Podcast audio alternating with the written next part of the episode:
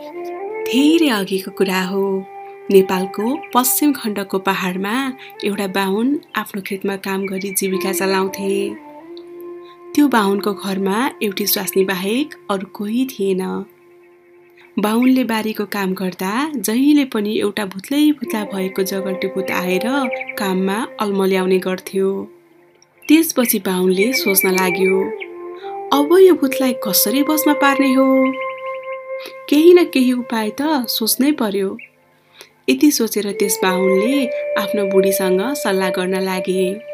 तर कुनै तरिका पनि काम लागेन। बाहुनलाई झन्झन पिर पर्न लाग्यो। एक रातको कुरा हो। बाहुनले एउटा निकै अनौठो सपना देखे। जहाँ एकजना मान्छे आएर बाहुनलाई भन्यो यदि भूतको जगल्टा खोसेर लियो भने भूत बसमा आउँछ। जब बाहुन भोलिपल्ट बिहान उठे उसले पनि त्यसै गर्ने विचार गरे। र त्यसपछि बाहुनले भूतको सबै जगल्टा लुछे। यसरी बाहुनले आफ्नो जगल्टा लुछेको देखेर भूत त्यहाँबाट कुलेलाम ठोक्यो। अनि त्यसको केही समयपछि फर्केर आएर एकदमै नम्र स्वरमा भन्यो बाजे तपाईँले जे भन्नुहुन्छ म मान्न तयार छु। मेरो जगल्टा फिर्ता दिनुहोस्। त्यसपछि बल्ल बाहुनको मन हलुका भयो। अनि उनले भने लौ त त्यसो भए यो खेत खनेर आज सबै बिउ छर्दे। यति भनेर बाहुन आफ्नो घरतिर लागे। त्यस पनि सबै काम एकैछिनमा गरिदियो। र बाजेको घरमा गएर जगल्टा माग्न थाल्यो। बाहुन बाजे पनि चान्चुने मान्छे थिएनन्। उनले फेरि भने सबैभन्दा पहिले मैले भनेको कुराहरू मान अनि मात्र तैँले जगल्टा पाउलास् भूतले पनि तुरुन्त मान्यो र के काम गर्नुपर्ने हो भनेर सोध्यो। अनि बाहुनले भने लौ ऊ त्यो परको जङ्गलमा गएर पाँच भारी दाउरा काटेर ल्याउलास्। भूतले पनि समय खेर नफालिकन तुरुन्त जङ्गलबाट पाँच भारी दाउरा बोकेर लिएर आयो। उता बाजे पनि के कम उनले फेरि अर्को काम हराए। यसरी बाहुन बाजेले अराएको काम भूतले पुरा गर्दै गयो। जब जब काम सकेर भूतले आफ्नो जगल्टा माग्थ्यो बाहुन बाजे अर्को काम दिइहाल्थे। जसरी भूतले पहिला बाहुन बाजेलाई हायल कायल तुराएका थिए बाहुन बाजेले पनि भूतलाई त्यसै गर्न थाले। उता भूत पनि आफ्नो जगल्टा पाउने आशमा भनेको कुरा सबै मान्थ्यो। यस किसिमबाट धेरै दिनहरू बिते। पनि भूतले आफ्नो जगल्टा पाउन सकेन।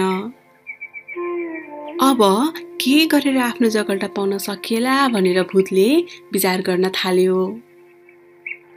एक दिनको कुरा हो।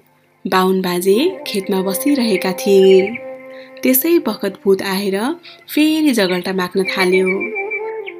अब यसलाई के काम अराउने होला भनेर बाहुनले सोच्न थाले र आफ्नो घरमा गएर कोदालो मागेर ल्याउन अराए।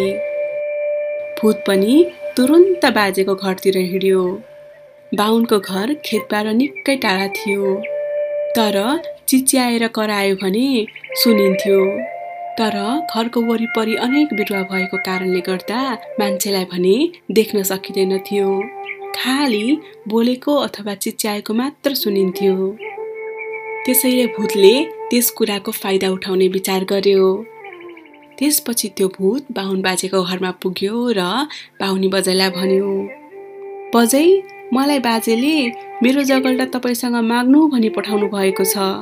लौ मेरो जगल्टा दिनु पर्यो अनि त्यसपछि बाहुनी बजैले भनिन् अह म त दिन्न। मलाई बाजेले यो कसैलाई पनि नदिनु भनेर भन्नुभएको छ।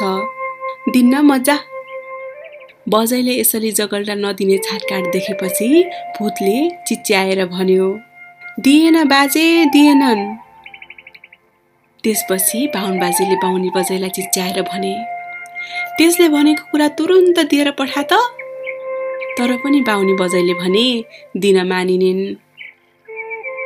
अब त्यसपछि भूतले झन् ठुल्ठुलो स्वरले कराएर भन्न थाल्यो खोइ दिनन् बाजे दिनन् के गरौँ? अनि त्यसपछि बाहुन बाजेले छोक्किँदै भन्यो देन दे हो देन दे छिट्टो दिएर पठा। तर बाहुनी बजैलाई भने अझै पनि यो कुरा चित्त बुझेको थिएन। त्यसैले उनले दिन मानिनन्। र भूतले झन् ठुल्ठुलो स्वरमा कराएर बाजेलाई भन्यो खोइ बाजे दिँदैन नि त के गरौँ मैले? त्यसपछि बाहुनलाई पनि साह्रै रिस उठेछ अनि त्यसपछि बाहुनले रिसको सुरमा आफ्नो बुढीलाई भने देन राडी दे कति गनगन गरे कि? आफूलाई यसरी राडी भन्ने शब्द प्रयोग गरेको सुनेर बाहुनी बजैलाई साह्रै रिस उठ्यो। त्यसपछि उनले फतफताउँदै भूतलाई जगल्टा दिएर पठाइन्। उता बाजे भने धेरै बेर भइसक्दा पनि भूत नआएको देखेर के चाहिँ भएछ भनेर हेर्न घरतिर लागे। घरमा भूतलाई नदेखेपछि उनले अचम्म मान्दै आफ्नो स्वास्नीलाई सोधे अनि भूत खै त कता गयो? त्यति बेलासम्म बाहुनी बजेको रिस पनि मरिसकेको थियो। अनि तिनले केही आश्चर्यमा परे जस्तो गरेर उत्तर दिइन् भूतलाई त मैले तपाईँले भनेको कुरा दिएर पठाएँ। अब कहाँ गयो मलाई के थाहा? बाहुनी बजेको कुरा सुनेर बाजे अचम्ममा पर्यो। लौ न तैँले के दिएर पठाइस्? मैले त कोदालो पो दे भनेको त भूतलाई बाजेको कुरा सुनेर बजे अलमल्लमा परिन् अनि भनिन् त्यसले त तपाईँले जगल्टा पो लिन पठाएको भन्दै थियो। कोदालीको त नाम पनि लिएन। बाहुनीको यस्तो कुरा सुनिसकेपछि बाहुनले लामो सास फेर्यो र भुइँमा थचक्क बस्दै भन्यो हरे आखिरमा त्यो बजिया भूतले जगल्टा लिएरै छाड्यो कस्तो लाग्यो त हजुरहरूलाई आज यो बाहुन र भूतको कथा। आशा गर्छु यहाँहरूलाई मन पर्यो होला। अर्को पटक पनि यस्तै रमाइलो कथा लिएर आउनेछु। अहिलेको लागि पनि बिदा चाहन्छु। राम्रोसँग बस्नुहोला। नमस्ते।